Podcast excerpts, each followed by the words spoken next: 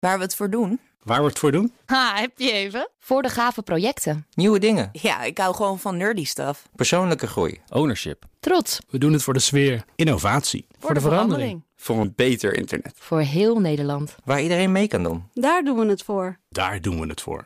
Waar doe jij het voor? Kom werken voor KPN en groei op jouw manier. Check de actuele vacatures op het gebied van data, security, development en networking op jobs.kpn.com/tech.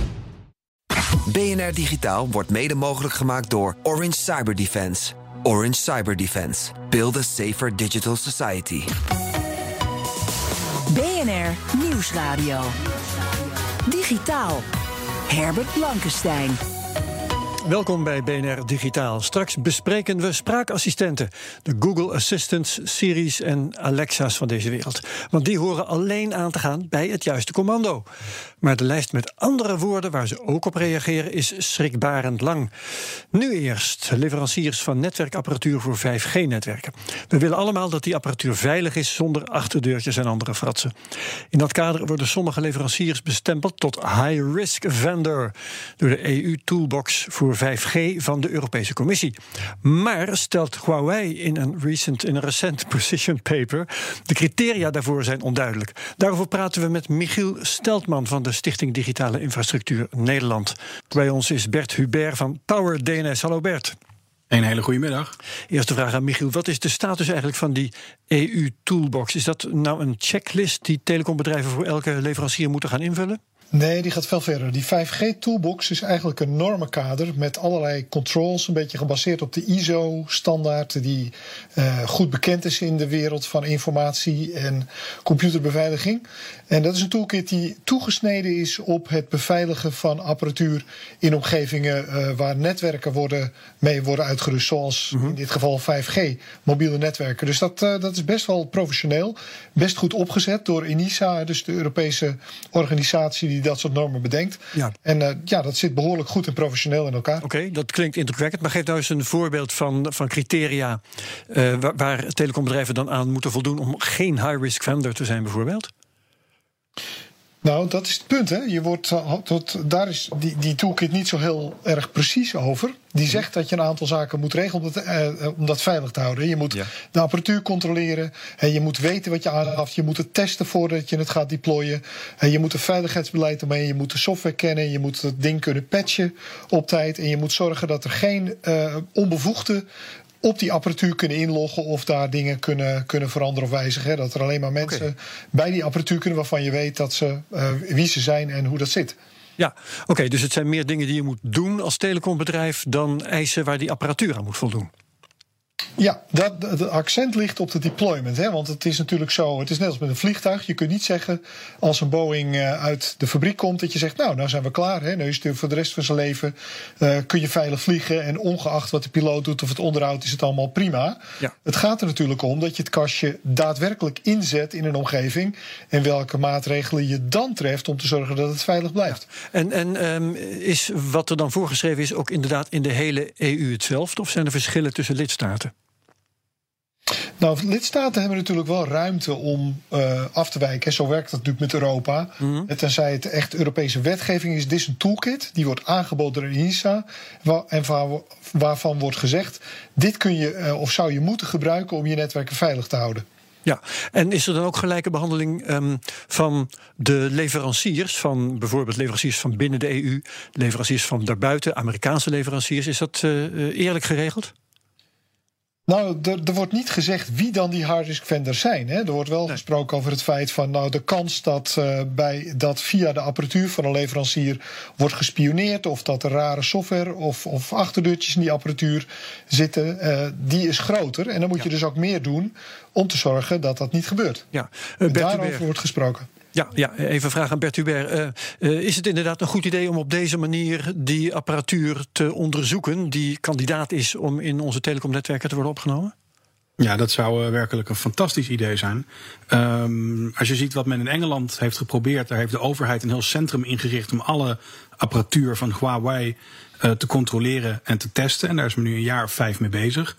En dat is recent helaas tot de conclusie gekomen dat de software die men uh, aan het testen en controleren was, niet daadwerkelijk de software was die op de 5G zendmasten draaiden. Oh, dat is onhandig. En, ja, dus het is een heel goed idee om zoiets heel goed te monitoren. Um, maar het is dus, ja, vooraf is dat dus heel moeilijk. En als het systeem eenmaal in productie is, is dat monitoren ook heel lastig. Als je namelijk, zoals gebruikelijk, het beheer van de apparatuur ook hebt overgelaten aan de leverancier. Um, want dat is wat er namelijk gebeurt. En op dat moment is het toch wel heel moeilijk om zicht te krijgen van... joh, is deze apparatuur nu rare dingen aan het doen of niet? Ja, ja, ja. oké, dat is belangrijk om even vast te houden. Gaan we zo over hebben dat de uh, leverancier ook de mensen levert... die de apparatuur gaat beheren. Maar ik ga weer even terug naar Michiel, want... Um, Huawei is van mening dat de criteria um, toch... Uh, um, Nee, ze, ze, vinden zelf dat die criteria objectief, transparant en meetbaar en eerlijk en proportioneel enzovoort, wat niet al moeten zijn. Maar daaruit blijkt dat ze zich niet eerlijk behandeld voelen. Um, kun jij dat onderschrijven, uh, dat, dat gevoel dat zij hebben?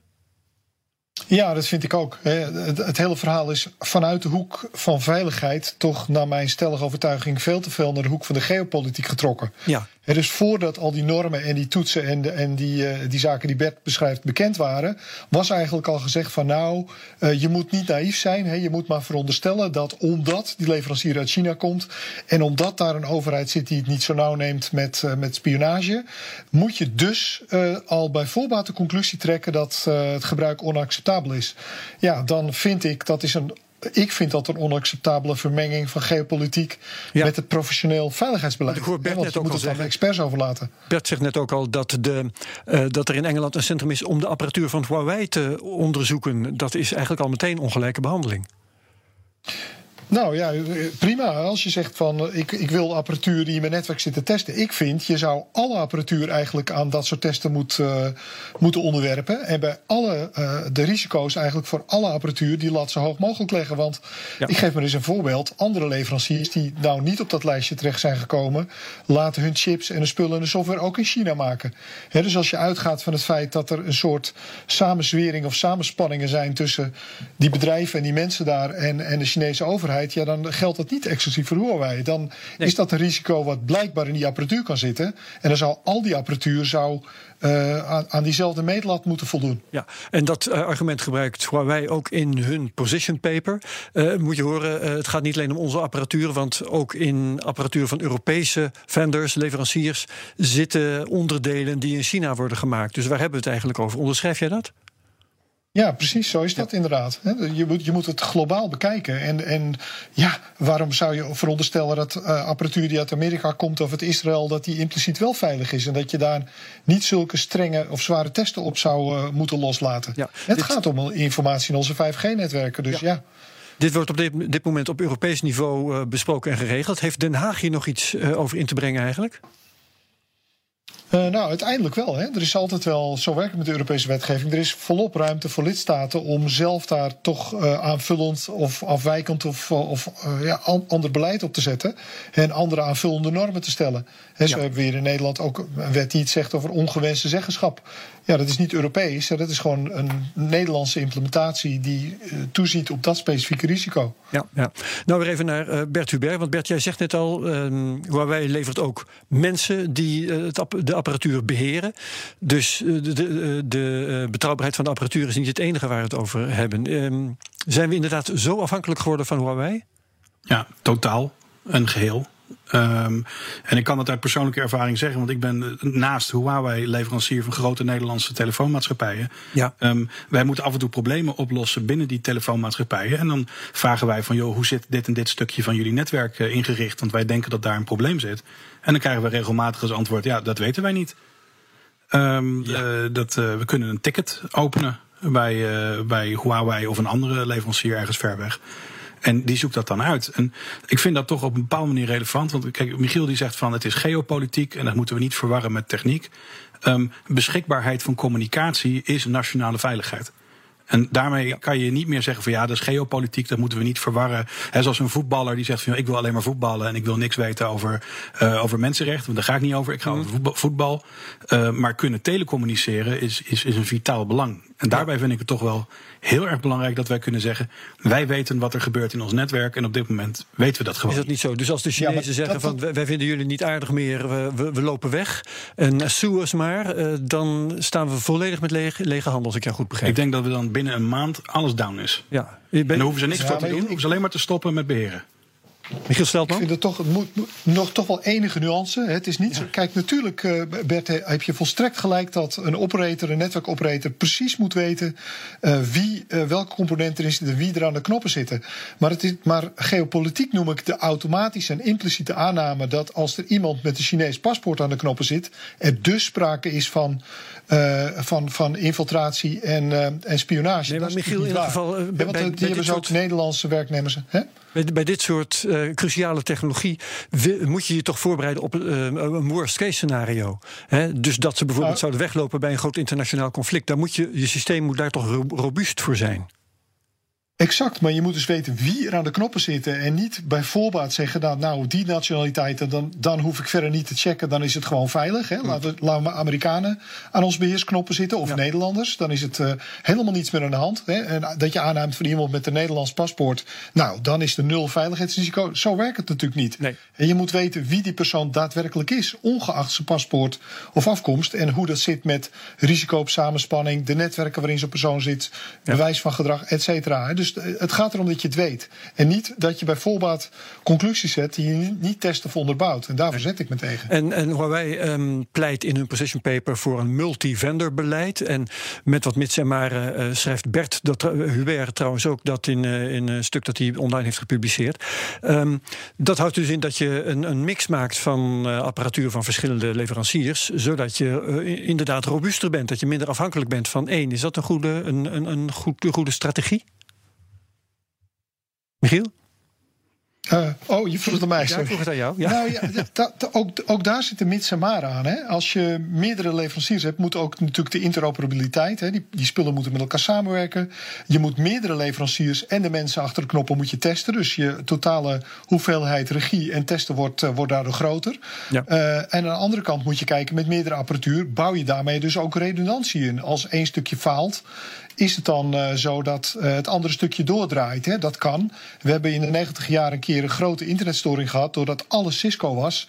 En er zat één bug in Cisco uh, OS en het hele internet viel uit. Dat wil je niet. Ja. Dus spreiding van risico kan goed zijn, maar het interesseert ook weer andere problemen. Ja, Bert Hubert, gaan we, of we, maar gaat Huawei geweerd worden, denk je? Poeh, um, ik vind het een hele moeilijke discussie. Kijk, wat er nu aan de hand is, Huawei uh, komt als leverancier langs met een buitengewoon aantrekkelijk en goed aanbod. Namelijk, wij leveren de apparatuur, we installeren de apparatuur en indien nodig financieren we de apparatuur zelfs. En dat is een, fantastisch aanbod en het is heel moeilijk om dat daar niet op in te gaan. Um, de keerzijde is, wat, wat Michiel net ook beschrijft, als een telecommunicatiebedrijf weer echt de regie op zich neemt en zegt van nou wij gaan echt begrijpen wat er in onze netwerken hangt en wij gaan inderdaad ook meerdere leveranciers op elkaar aansluiten en dat integreren, dat betekent dat je weer echt een, een echt telefoon- en communicatiebedrijf moet worden en dat je er ook heel veel personeel voor in dienst zal moeten nemen, zodat je weer weet wat je aan het doen bent. En dat laatste zie ik nog niet gebeuren. En eerlijk gezegd, als wij op dit moment bijvoorbeeld uh, Nokia of Ericsson zouden komen uit, uh, nou ja, uit Zweden en Finland dan, um, dan is het nog niet, dan zal nog steeds het beheer uitgevoerd worden door mensen van heel ver weg. Want ook Nokia en Ericsson zijn ja. heel groot in het beheer uit laten voeren en je moet die, uh, in landen ver weg. Die uh, vaardigheden die moet je eigenlijk in eigen huis hebben als telecombedrijf, zeg jij. Ja, en die zul je weer op moeten bouwen. En, en we zullen weer mensen in dienst moeten nemen. Of we moeten zeggen van nou, uh, net als de situatie die we met mondkapjes hebben gehad tijdens corona. Die zegt van nou, we vinden het niet erg om hiervoor afhankelijk te zijn van het buitenland. En dan bellen we misschien gewoon een keer een weekje niet. Ja, allebei bedankt voor dit moment, Michiel Steltman en Bert Hubert. Maar we gaan gewoon verder. Digitaal. Over spraakassistenten als Google Assistant, Siri van Apple en Amazon's Alexa. Je moet ervan houden, ze kunnen best handig zijn. Tenminste, als ze alleen naar je luisteren, wanneer dat ook echt de bedoeling is. Onderzoekers van de Duitse Ruhr-universiteit in Bochum hebben ontdekt dat er een lijst is met zeker duizend Engelse woordcombinaties waar die apparaten ook op aanslaan. Bijvoorbeeld OK Cool in plaats van OK Google. En dan loopt er alweer een opname ergens in de cloud. Dus um, Bert Hubert, gebruik jij zo'n spraakassistent? Nee, nee. En ik kijk ook heel wantrouwig naar iedereen die er wel eentje heeft. Um, maar ik begrijp wel dat mensen het nuttig vinden. Maar misschien weet ik er net iets te veel van af. En daarom uh, ben ik er geen fan van. Ja, Michiel Steltman weet er ook veel vanaf. Maar volgens, volgens mij gebruik jij ze wel, hè? Ja hoor, ik gebruik ze zeker. En ik ben er een groot fan van. Ik vind het allemaal prima. Ik kan ook uitleggen waarom. Uh, nou, doe het ik, dan maar. Ik deel de angst van Bert absoluut niet. Nee. Nou, um, wat, uh, wat, wat een bedrijf als Google van jou verzamelt is data. Hè? Dus Ja. dat, is gewoon, dat zijn bitjes. En vervolgens maken ze daar maar op één manier informatie van. Hè, dat je er iets mee kan. Dat is door uh, advertentieaanbod te matchen met jouw profiel en het dan op jou te richten. Wat Google niet doet, is jouw data, hè, dus jouw uh, spraak- en stemcommando's aan een ander geven. Hè, tenzij de overheid of de inlichtingendiensten daarom vragen. En wat Google ook niet doet. Nou, precies, data is, die uh, verzameld worden, die kunnen in verkeerde handen komen. Dat is nou net het hele dat, punt. Dat kan in theorie. En dat is natuurlijk de kern. Hè? Vind je het van, joh, uh, is Google net zo goed als de bank voor mijn geld? Hè? Ik vertrouw ABN AMRO, uh, vertrouw ik ook dat ze netjes op mijn centjes passen. Ja. En dat dat niet in verkeerde handen terechtkomt.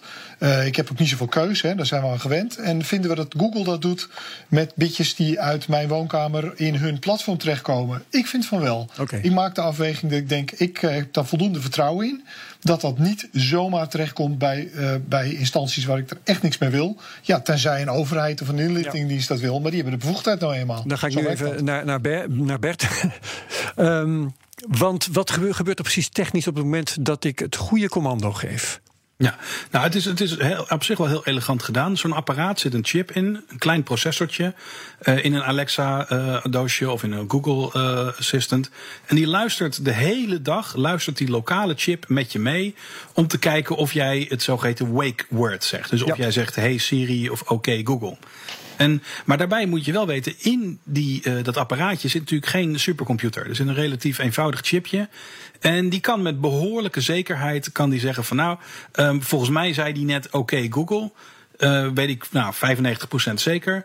Ja. Uh, ik open nu een verbinding met het moederschip bij Amazon of bij Apple of bij Google. En ik stuur het geluid op van de afgelopen paar seconden.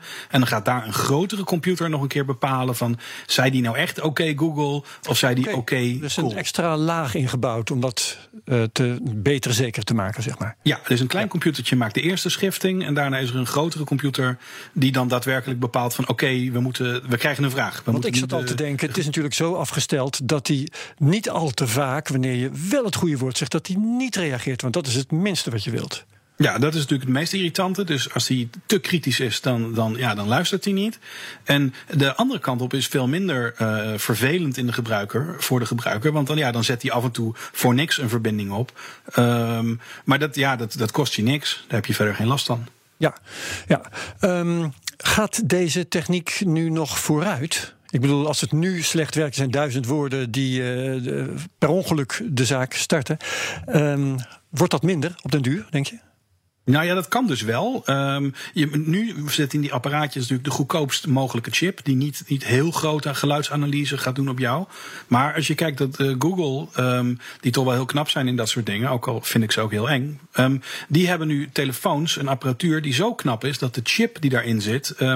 twintig jaar geleden een supercomputer geweest zou zijn. Ja. En uh, daarmee zou je dus een, een assistant kunnen maken die wel degelijk lokaal met grotere betrouwbaarheid kan bepalen of jij nou oké okay, Google zei of ja. niet. Hey, en als nou die opname per ongeluk wordt gestart, wat gebeurt er dan verder daar bij Google? Of bij Apple? Ja, nou, bij, kijk, ik ken de Google-mensen van binnen heel erg goed. En Hmm. die, die, die zijn um, heel goed, en daar ben ik dan wel weer met Michiel Steltman eens. Die zijn heel goed in inderdaad allemaal informatie van jou vergaren. Maar die tegelijkertijd ook heel goed geheim houden. Zelfs van de rest van Google of zelfs van mensen in een andere kamer. Dus als je zo'n lijntje open gaat, dan kom je, je stem komt vast terecht in een database. En ze gaan die database gebruiken om de computer verder mee te trainen. Maar het is binnen Google helemaal niet zo dat allemaal gebruikers kunnen zitten grasduinen in van. Uh, joh, wat zegt Herbert allemaal tegen zijn nee, machine? Maar soms luisteren daar toch wel mensen naar om, uh, zoals we dat dan noemen, die technieken te verbeteren?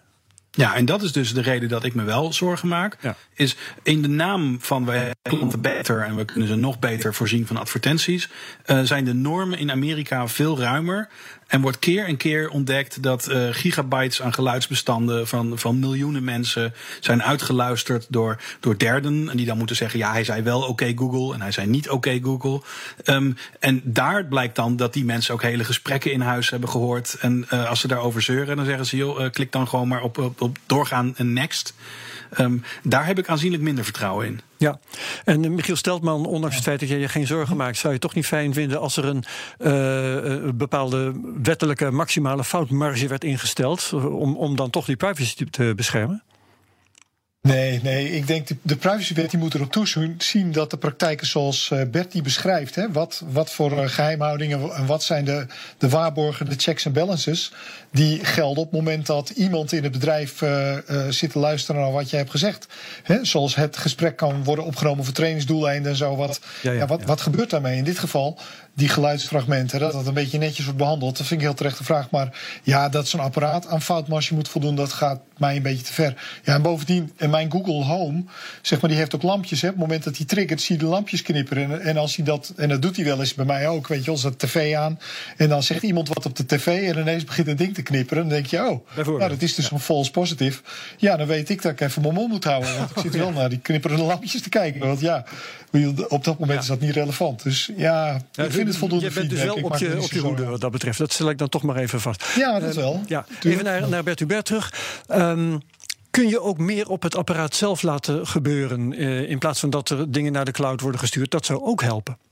Ja, nee, uh, inderdaad, dat kan. En dat zal in de toekomst ook meer mogelijk worden, omdat de chips ook goedkoper worden. Um, maar dat zal wel een luxe feature worden, want de chip die er nu in zit kost misschien 50 cent per stuk. Uh, de chip die dat soort analyses kan doen, uh, nou, ik denk dat 20 euro zo op is.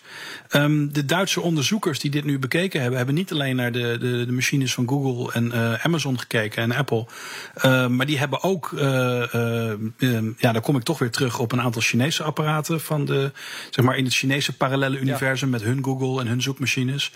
Ja. En um, die zullen denk ik toch niet zo snel geneigd zijn om te innoveren in privacy bevorderende chips eerlijk gezegd. Maar het, ja. het, kan wel. Het, kan, het apparaatje zelf zou veel meer kunnen doen om zeker te weten wat jij zei dan wat er nu gebeurt. Ja, oké. Dus het blijft een technologie waar grenzen aan zitten. Ik dank jullie allebei heel hartelijk. Eh, Bert Hubert van PowerDNS en Michiel Steltman van de Stichting Digitale Infrastructuur Nederland. Intussen gaan wij even op vakantie. De komende weken laten we daarom het beste van het afgelopen seizoen van BNR Digitaal horen. En als je zelf eerdere uitzendingen wilt uitkiezen, kan dat ook via bnr.nl, via de app of waar je ook maar naar je podcast luistert. Probeer ook eens een van mijn andere podcasts, de Cryptocast, de Technoloog Space Cowboys. Dat was het. Eind augustus zijn we er weer met een heel nieuw seizoen. Heel graag tot dan. BNR Digitaal wordt mede mogelijk gemaakt door Orange Cyber Defense. Orange Cyber Defense. Build a safer digital society. Bij BNR ben je altijd als eerste op de hoogte van het laatste nieuws. Luister dagelijks live via internet. Bas van Werven. En heel langzaam komt de zon op rond dit tijdstip. Je krijgt inzicht in de dag die komt op BNR, het Binnenhof in Nederland en de rest van de wereld. De Ochtendspits. Voor de beste start van je werkdag. Blijf scherp en mis niets.